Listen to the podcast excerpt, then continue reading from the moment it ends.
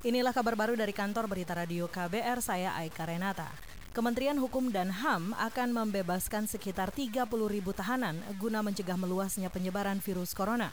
Menteri Hukum dan HAM Yasona Lauli menyebut hingga hari ini lebih dari 5 ribu narapidana telah dibebaskan dari tahanan. Dengan kebijakan Permenkumham nomor 10, kami perhitungkan bahwa kita bisa mengeluarkan di angka minimal 30 ribu dari beberapa exercise kami bisa mencapai 35 ribu minimal. Kami sampaikan per hari ini jam 11, sistem ASDP kami melaporkan sudah kita keluarkan 5.556 warga binaan kita dengan Permenkumham nomor 10 dan keputusan Menteri Hukum dan HAM nomor 19. Menteri Hukum dan HAM Yasona Lauli juga meminta setiap kepala lapas dan kepala kantor wilayah untuk mengawal ketat agar pelepasan narapidana tidak salah sasaran. Yasona menargetkan aturan pembebasan itu selesai dalam satu pekan ini. Hingga hari ini, saudara, kasus positif COVID-19 di Indonesia berjumlah 1.677 orang dengan angka kematian mencapai 149 orang. Kita beralih sekitar 300 siswa sekolah pembentukan perwira setukpa di Lembaga Pendidikan dan Pelatihan Lemdiklat Polri Sukabumi Jawa Barat positif tertular virus corona. Hasil itu diketahui usai seribuan siswa mengikuti tes cepat atau rapid test COVID-19. Kepala Pusat Kedokteran Kesehatan Polri Musyafak mengatakan ratusan siswa positif itu akan diisolasi mandiri selama 14 hari. Berawal dari itulah semua siswa yang jumlahnya 1550 di rapid test. Dari rapid test ini hasilnya 300 siswa positif, tapi rapid test bukan COVID-19. Ini harus diluruskan. Karena rapid test kan ini hanya memeriksa antibody. Antibody aja tidak spesifik COVID-19.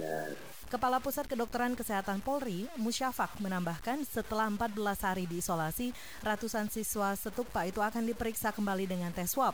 Sebelumnya, sebanyak 7 siswa setukpa Lemdikpol di Sukabumi, Jawa Barat dinyatakan positif virus COVID-19. Saat ini, 7 siswa itu dirawat di Rumah Sakit Polri Kramat Jati, Jakarta Timur. Kita beralih saudara Badan Pusat Statistik BPS mengklaim inflasi di Maret 2020 terkendali. Kepala BPS Suharyanto menyebut secara umum ada kenaikan harga untuk berbagai komoditas, tetapi kenaikan harga lebih landai dibanding bulan sebelumnya.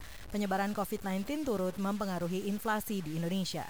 Pada bulan Maret 2020 ini terjadi inflasi sebesar 0,10 persen. Dengan demikian, inflasi tahun kalender adalah sebesar 0,76 persen dan inflasi tahunan dari Maret 2020 ke Maret 2019 adalah sebesar 2,96 persen berarti ada di bawah 3 persen. Dari angka ini saya akan ambil kesimpulan bahwa inflasi pada bulan Maret 2020 cukup terkendali. Kepala BPS Suharyanto menambahkan ada tiga komoditas yang memberi andil terbesar inflasi Maret 2020, yakni emas perhiasan, bawang bombay, dan gula pasir. Selain itu, inflasi terjadi di 43 kota dari 90 kota yang ada di Indonesia. Inflasi tertinggi di Lok Sumawe Aceh dan deflasi tertinggi di Timika Papua. Satu informasi terakhir, pemerintah Inggris dan Australia mengimbau warga negara mereka di Indonesia segera pulang. Dua negara itu khawatir Indonesia bakal menghentikan layanan penerbangan akibat pandemi virus corona. Pemerintah Inggris menyebut pembatasan perjalanan di berbagai negara dapat muncul tiba-tiba. Mereka meminta warga Inggris di Indonesia secepatnya pulang menggunakan rute komersial yang masih tersedia. Sementara itu, Kedutaan Besar Australia di Indonesia mengimbau warganya untuk segera pulang karena ada kekhawatiran berkurangnya jumlah penerbangan dari Indonesia akibat ancaman virus corona. Demikian kabar baru dari kantor Berita Radio KBR, saya Aika Renata.